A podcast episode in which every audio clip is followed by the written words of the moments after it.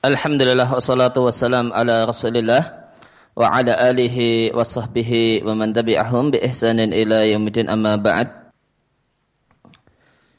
Kaum muslimin dan muslimah jamaah salat maghrib Masjid Al-Asri Pokung Rejo dan pendengar radio muslim rahimani wa rahimakumullah.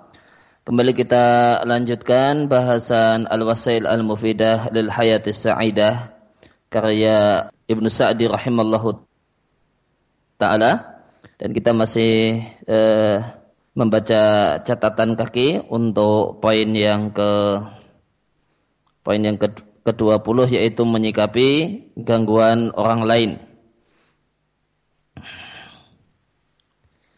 Maka di antara kiat yang disampaikan di catatan kaki adalah menyikapi gangguan eh, yang datang dari orang lain maka di antara kiat yang disarankan adalah ya, berpikir positif dengan kejelekan mereka, dengan keburukan mereka, dengan ya, dan karena jika kita memberikan cinta, kita memberikan kasih sayang, maka kita akan jumpai bahasanya sifat dasar manusia itu adalah baik. ya, mereka melakukan hal-hal yang buruk, hal-hal yang menyakitkan. Hal itu dikarenakan karena belum koneknya kita dengan ya, dengan mereka. Kalau hati kita sudah terhubung dengan mereka dengan baik, karena kita mendekat dan kita pun membuka diri dan mereka pun menyadari bahasanya kita adalah orang yang sungguh mencintai mereka, maka kita akan jumpai bahasanya karakter dasar manusia adalah baik.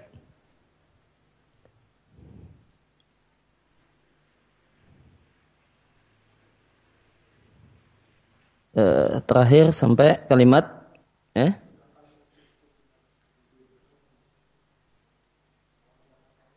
Delapan satu ya? Oh ingdama tanmu.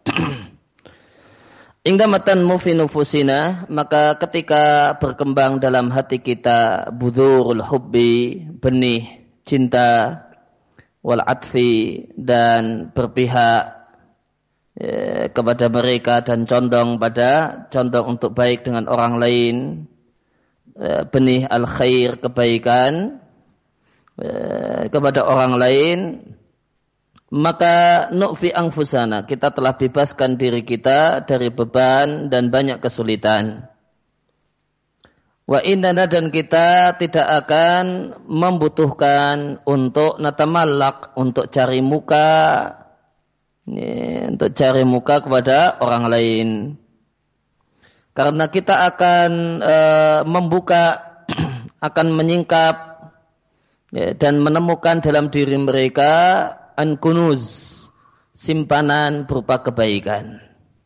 Akan kita jumpai bahasanya ternyata mereka orang-orang tersebut adalah orang yang memiliki mazaya kelebihan dari dalam masalah dari sisi kebaikan.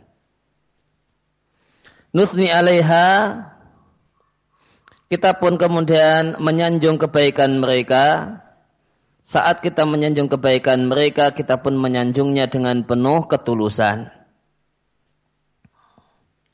Walam yati insa, e, insanun ya, dan tidak akan hilang dari diri seseorang aspek kebaikan dan kelebihan berupa kebaikan yang menyebabkan dia layak untuk mendapatkan kata-kata yang baik. Akan tapi itu bukan karena hilang namun karena kita belum mengetahuinya. Wala naroha dan kita tidak akan melihat sisi-sisi kebaikan orang tersebut kecuali manakala berkembang dalam diri kita budratul hubbi benih cinta. Kedalika demikian juga kita tidak perlu li'annahmil anfusana membebani diri kita mu'unah kesusahan karena merasa sempit hati dengan mereka. Demikian juga kesusahan berupa sabar atas kesalahan dan kedunguan mereka. Karena sanaktifu ala mawadid da'fi karena kita akan merasa ya, belas kasihan pada sisi-sisi kelemahan dan ketidaksempurnaan mereka. Walanut fatish dan kita tidak akan membongkar-bongkar hal tersebut, kekurangan kekurangan tersebut, linaroha supaya e, karena kita ingin melihatnya pada saat telah berkembang dalam jiwa kita budratul atfi ya, benih e, e, kasih sayang. Wabitabiatil hal dan pada gilirannya kita tidak perlu nujashim membebankan pada diri kita kesusahan karena al-haqad kesusahan dan kepayahan karena memendam benci. Demikian juga kesusahan dan kepayahan dikarenakan bersikap waspada kepada mereka.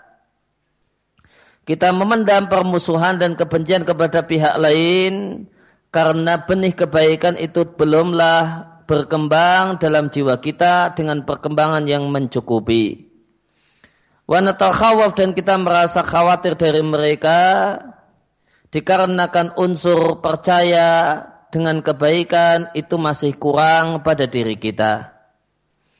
Ya, kam namnah anfusana minatoma'nina maka betapa banyak kita memberikan pada diri kita ketenangan, kenyamanan dan kebahagiaan manakala kita mau memberikan kepada orang lain belas kasihan, rasa cinta dan percaya. Dan itu akan terjadi pada saat berkembang dalam jiwa kita benih cinta, kasih sayang dan kebaikan. Ya, maka sudut pandang yang lain berkenaan dengan menyikapi orang yang usil, mengganggu dan jahil dengan kita ya, disampaikan di sini adalah ya, kita akan mendapatkan susah payah karena harus waspada dan bersabar dengan gangguan mereka karena belum adanya kedekatan hati antara kita dengan mereka. Dan ketika kita mau memberikan ya, menampakkan dan menunjukkan pada mereka bahasanya kita adalah orang yang menginginkan kebaikan untuk mereka, orang yang mencintai dan menginginkan kebaikan dan kebahagiaan untuk mereka, kita pun kasih sayang, kita pun menebarkan kasih sayang kepada mereka dan mereka betul-betul faham dan mengerti kita itu cinta dan sayang, eh, maka kita tidak akan perlu mendapatkan kesusahan-kesusahan di atas. Ya, karena ternyata kita jumpai orang tersebut sebenarnya orang yang baik. Cuma kebaikannya itu tertutup usilnya, gangguannya, dikarenakan dia salah sangka dengan kita. Dia kira bahasanya kita memusuhinya. Dia kira bahasanya kita membencinya. Padahal sebenarnya kita mencintainya, mengharapkan kebaikan untuknya.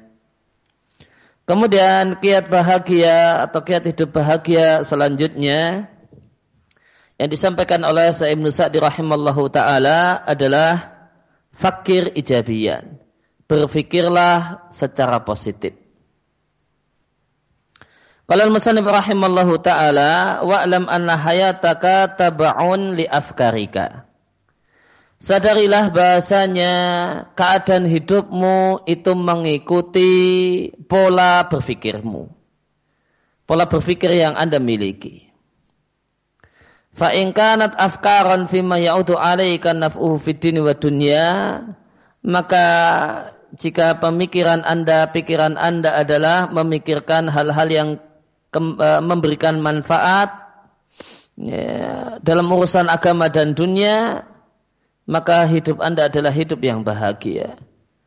Namun jika tidak demikian model cara berfikirnya, fal amru bil aksi, maka kondisinya adalah sebaliknya.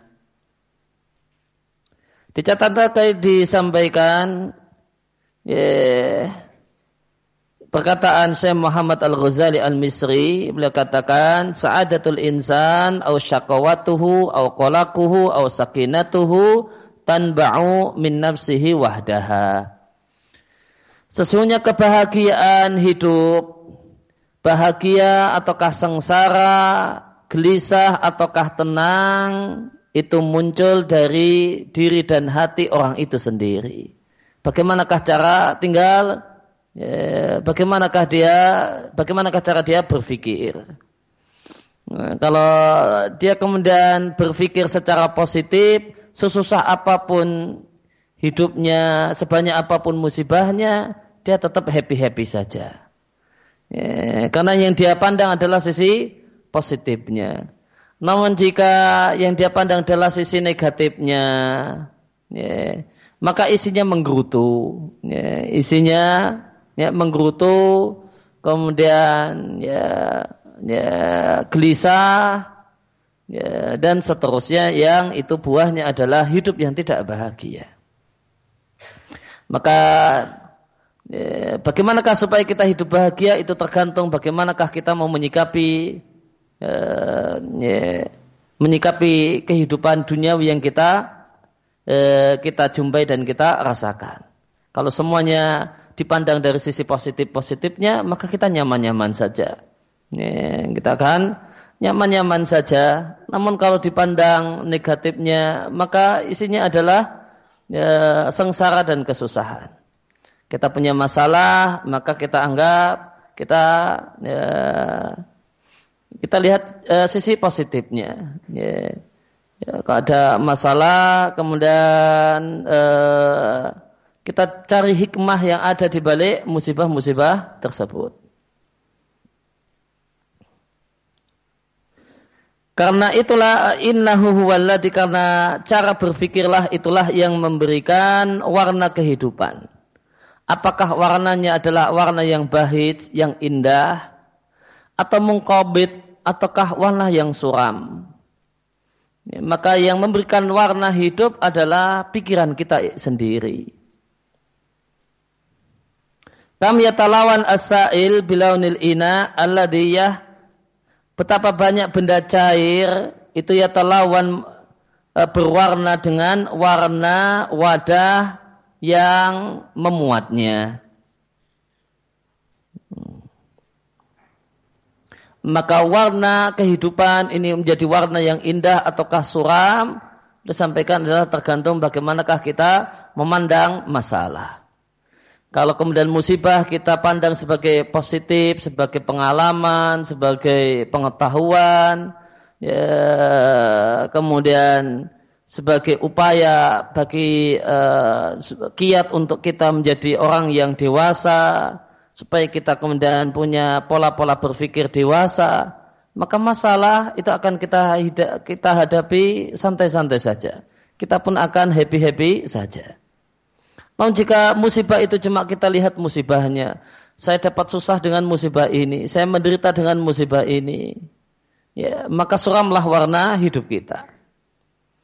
Ya, faman radhiya falahu ridha, maka siapa yang ridha yaitu sabar dengan ketentuan Allah, maka untuknya ridha Allah.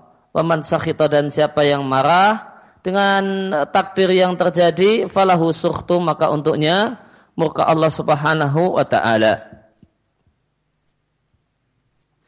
Satu ketika Nabi Shallallahu Alaihi Wasallam membesok ya, seorang Arab Badui yang sakit. Ya talawa min syiddati al alhuma. Ya, yang dia uh, mengkerutkan badannya ya, karena dia menggigil ya, dikarenakan syiddatil huma karena demam yang tinggi. Faqala lahum maka Nabi Shallallahu Alaihi Wasallam berkata kepadanya dalam rangka menghiburnya dan memotivasinya tuhurun. Insya Allah penyakit ini adalah penyakit yang manfaat. Pandanglah penyakit itu dengan cara pandang yang positif. Pandanglah dia sebagai tuhur, sebagai alat pembersih dosa. Faqala al-Arabi namun orang Arab Badui tadi mengatakan, gimana ini uh, berpikir positif sama uh, panas semacam ini. Balhia huma, bahkan adalah memang panas, tafur yang mendidih, yang berada pada puncak panasnya. Ala syirhin kabir, yang uh, terjadi dan menimpa orang yang sudah tua bangka, lituridahul kubur, untuk memasukkannya ke dalam kubur. Nah, balhia huma tafur, ala syekhin kabir lirahu al kubur Maka Nabi mengatakan fanaam idan. Jika demikian, ya seperti itulah demammu. Dan orang tersebut kemudian mati tak lama setelah itu. Hadisnya diatkan oleh Al Bukhari. Maka Nabi Shallallahu Alaihi Wasallam mengajari kita dalam hadis ini untuk punya pola berpikir positif terhadap musibah dan masalah. Maka sakit ketika kita pandang sebagai ini alat pembersih dosa. Maka ketika kita sakit kemudian kita pandang ini adalah sebagai alat dan sarana bagi Allah untuk memberikan ganjaran yang besar untuk kita. Kemudian alat yang uh, kemudian sakit ini jadi sarana bagi Allah Subhanahu wa taala supaya kita istirahat dan tidak terlalu uh, ngoyo untuk cari dunia. Nah, maka kita pandang sebagai uh, dari sisi positif, maka kita akan nyaman-nyaman saja. Namun kalau kita pandang sakit dan musibah ini sebagai satu hal yang uh, menyusahkan, membuat derita, maka betul kita pun menderita karenanya. Artinya pelajaran dari hadis ini bahasanya kondisi kita itu tunduk pada lil iktibar asaksi. Cara pandang personal yang kita miliki terhadap masalah. Maka jika Anda mau, Anda bisa jadikan masalah tersebut tadhiran yaitu musib yaitu sakit tersebut sebagai ini satu hal yang positif membersihkan dosa. Waradita dan Anda pun nyaman-nyaman saja. Namun jika Anda mau maka Anda pandang dengan cara negatif. Anda pandang penyakit tersebut sebagai kebinasaan, sebagai hal yang membinasakan Anda dan Anda pun marah-marah karenanya.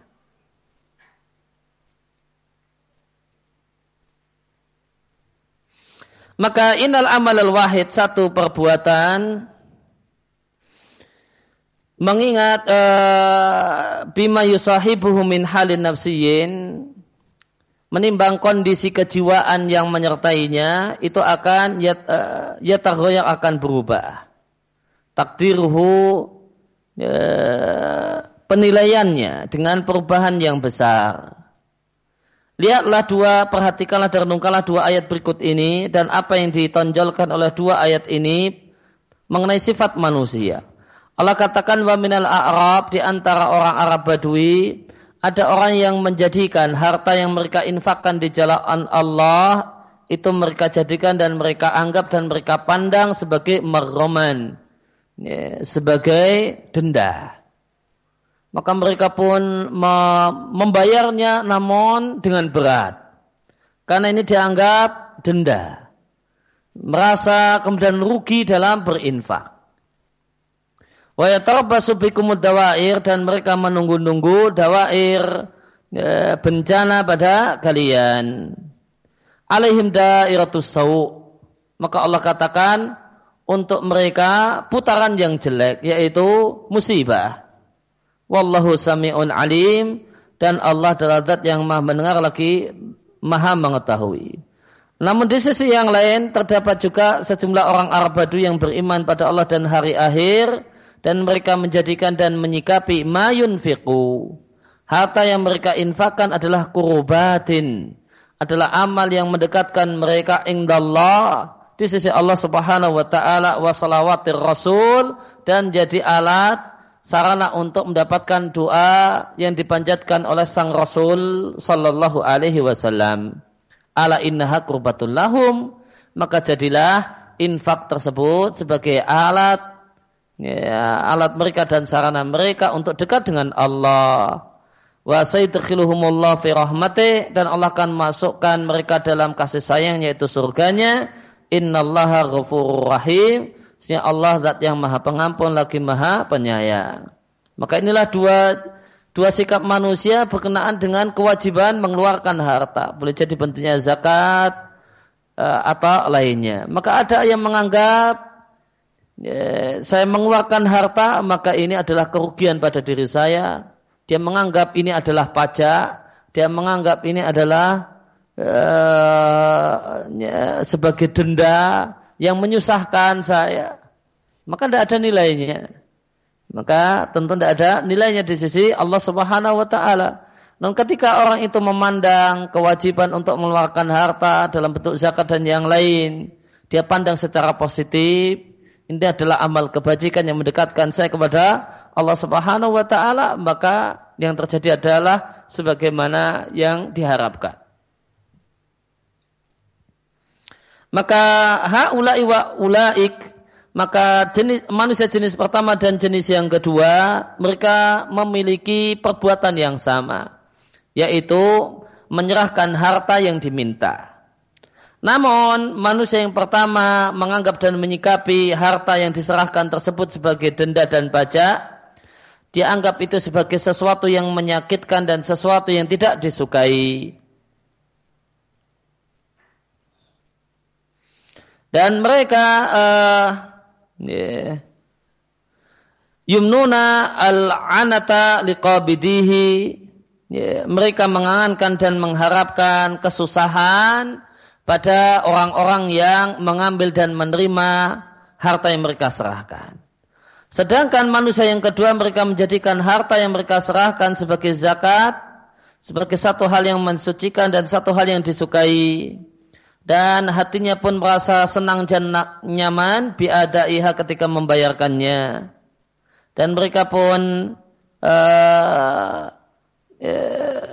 meminta doa yang baik setelah membayarkannya. Maka wasu'unul hayati kulliha la ta'duha dan nitaqa.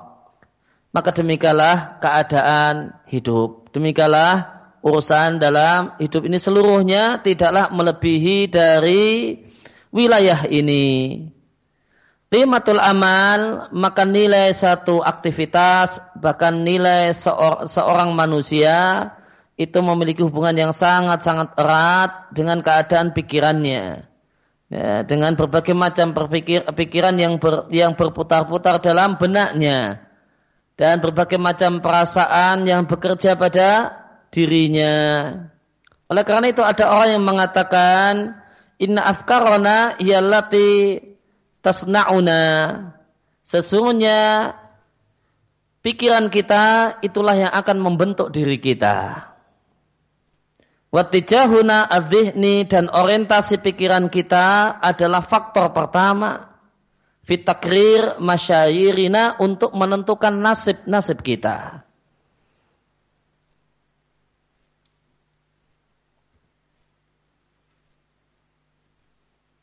Oleh karena itu, walidhalika hmm,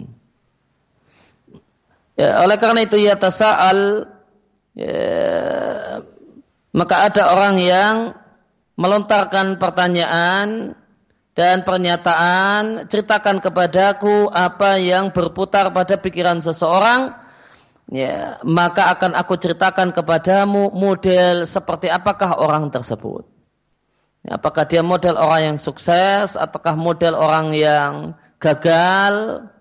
Ya, maka tolong ceritakan kepadaku apa yang ada dalam pikirannya. Maka saya akan bisa mengetahui ke manakah ya, nanti nasib dan keadaan orang ini. Naam fakai fayakun arajul syai'in akhar Bagaimanakah mungkin seorang itu akan jadi sesuatu yang lain berbeda dengan apa yang ditunjukkan oleh pikirannya. Ya, maka apa yang kita pikirkan dan bagaimana cara pikiran dan eh, pikiran-pikiran uh, yang ada dalam benak diri kita itulah yang akan menentukan cara pandang kita, ya, akan menentukan dan itulah yang nanti akan menentukan tindakan dan langkah-langkah kita. Maka langkah-langkah seseorang itu sangat ditentukan oleh paradigmanya, pola pikirnya. Jika pola pikir dia adalah pola pikir positif, maka langkah-langkah yang akan dia lakukan adalah langkah-langkah yang positif. Namun jika pola pikirnya adalah pola pikir negatif, ya, maka yang akan dia lakukan adalah hal-hal yang bersifat negatif.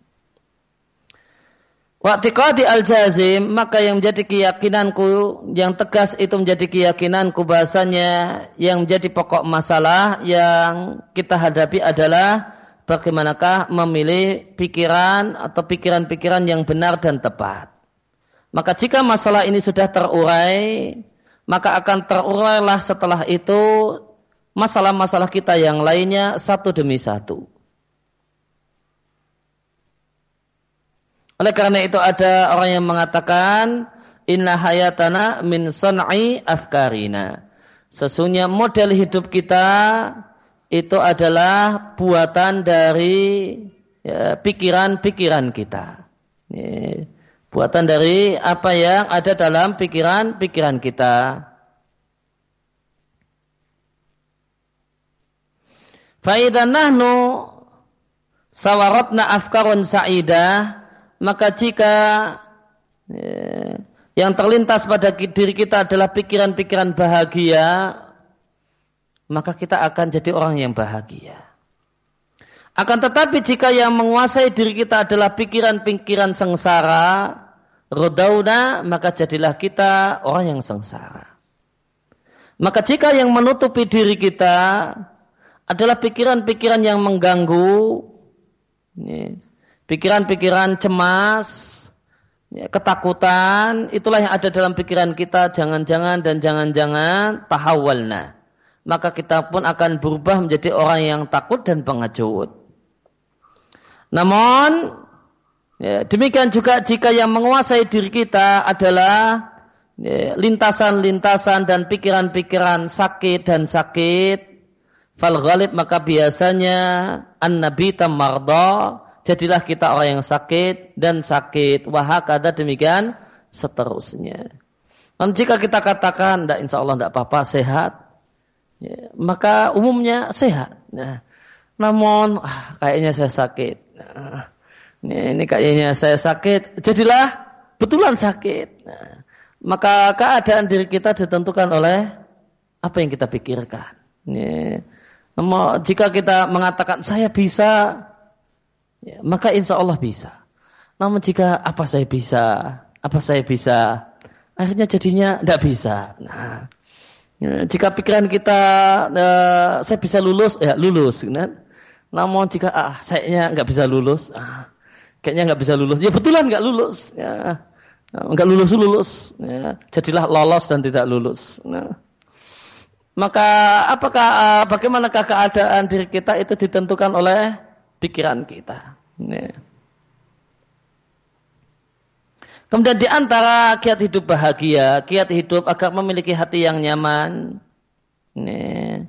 Maka terutama ketika kita berbuat baik kepada orang orang lain supaya kita nyaman dan bahagia setelah menolong orang dan uh, setelah melakukan menolong orang maka satu prinsip penting la tadlubus syukur. Jangan mengharap terima kasih orang. Hmm ya, kita kemudian bermaksud baik, kemudian ketika itu ternyata orang yang kita tolong itu tidak tahu terima kasih, senyum saja tidak, ucapan makasih mas aja enggak, itu kita di belakang malah susah jadinya. Nah, ya, kita di belakang susah itu, dia pergi kita yang susah. Ini orang kayak gini, ya, ada manusia kayak gini di zaman ini. Ya. Kita mah, mah uh, malah yang kemudian susah boleh jadi susahnya berhari-hari dia nyaman-nyaman saja. Nah, uh, dia sendiri nyaman-nyaman saja, santai-santai saja. Ya, dia masa bodoh dengan orang lain mau nol, ada yang nolong ya syukur nggak nolong ya ndak apa-apa. Nah, dan kita tolong kita bantu. Ya, dan dia nggak tahu diri, nggak tahu terima kasih. Nah, nah akhirnya kita gundul sama istri berhari-hari ini orang, hari ini kok ketemu orang kayak gini. Besok masih ngomongin lagi orang tersebut. Ya kita sendiri yang susah. Oleh karena itu maka kiat penting supaya kita itu hidup bahagia. Terutama ketika kita punya keinginan untuk nolong orang lain. Maka ya, maka patut kita tanamkan dalam diri kita jangan mengharap ucapan terima kasih. Ya, jangan mengharap apresiasi dari orang yang kita tolong. Ya. niatkan itu lillahi ta'ala. Saya nolong orang, saya dapat pahala. Dia mau senyum, dia mau terima kasih ya, ya terserah dia. Ya, mau enggak ya, yang penting saya dapat ganjaran dari Allah Subhanahu wa taala. Tentu dalam masalah ini ada dua sisi. Sisi orang yang nolong dan sisi orang yang ditolong, kan? Ya, maka untuk orang yang menolong ya, maka ya, uh, tanamkan prinsip ini. Jangan mengharap terima kasih orang lain. Jangan mengharap terima kasih orang yang kita tolong. Niatkan ketika kita mau menolong orang lain, kasihan dengan orang lain, kita niatkan niat lillahi ta'ala. Ya, kita tidak mengharap balasan dan ucapan terima kasih. Semata-mata yang kita harapkan ganjaran dan pahala dari Allah Subhanahu wa taala. Namun di sini ada sisi ketika Sisi yang lain adalah ketika kita menjadi orang yang ditolong. Ya, maka ya, janganlah jadi orang yang laim, ya, orang yang tidak tahu terima kasih, orang yang hina karena tidak tahu jasa dan terima kasih kepada orang lain. Namun ya, ya, wajib kita sadari ya, sabda Nabi Shallallahu Alaihi Wasallam la yashkurullaha man la. Tidaklah bisa bersyukur kepada Allah Subhanahu wa taala orang yang tidak tahu terima kasih kepada manusia ya, tidak memberikan apresiasi atas uh, kebaikan orang lain, pertolongan dan jasa orang lain.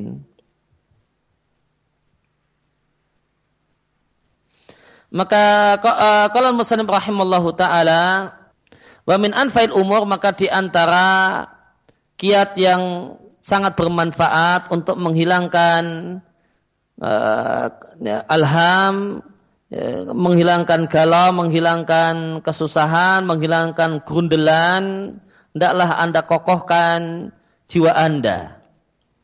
Hendaklah Anda masukkan ke dalam jiwa Anda, Allah tatlubu syukra illa minallah. Anda tidak mem meminta dan mengharap balasan kecuali dari Allah Subhanahu wa taala. Maka jika Anda berbuat baik kepada orang yang lahu hakun alaik, dia memang punya hak untuk mendapatkan kebaikan kita. Ini, boleh jadi itu adalah orang tua, saudara, kerabat, atau orang yang dia tidak punya hak untuk mendapatkan kebaikan kita. Artinya dia orang lain.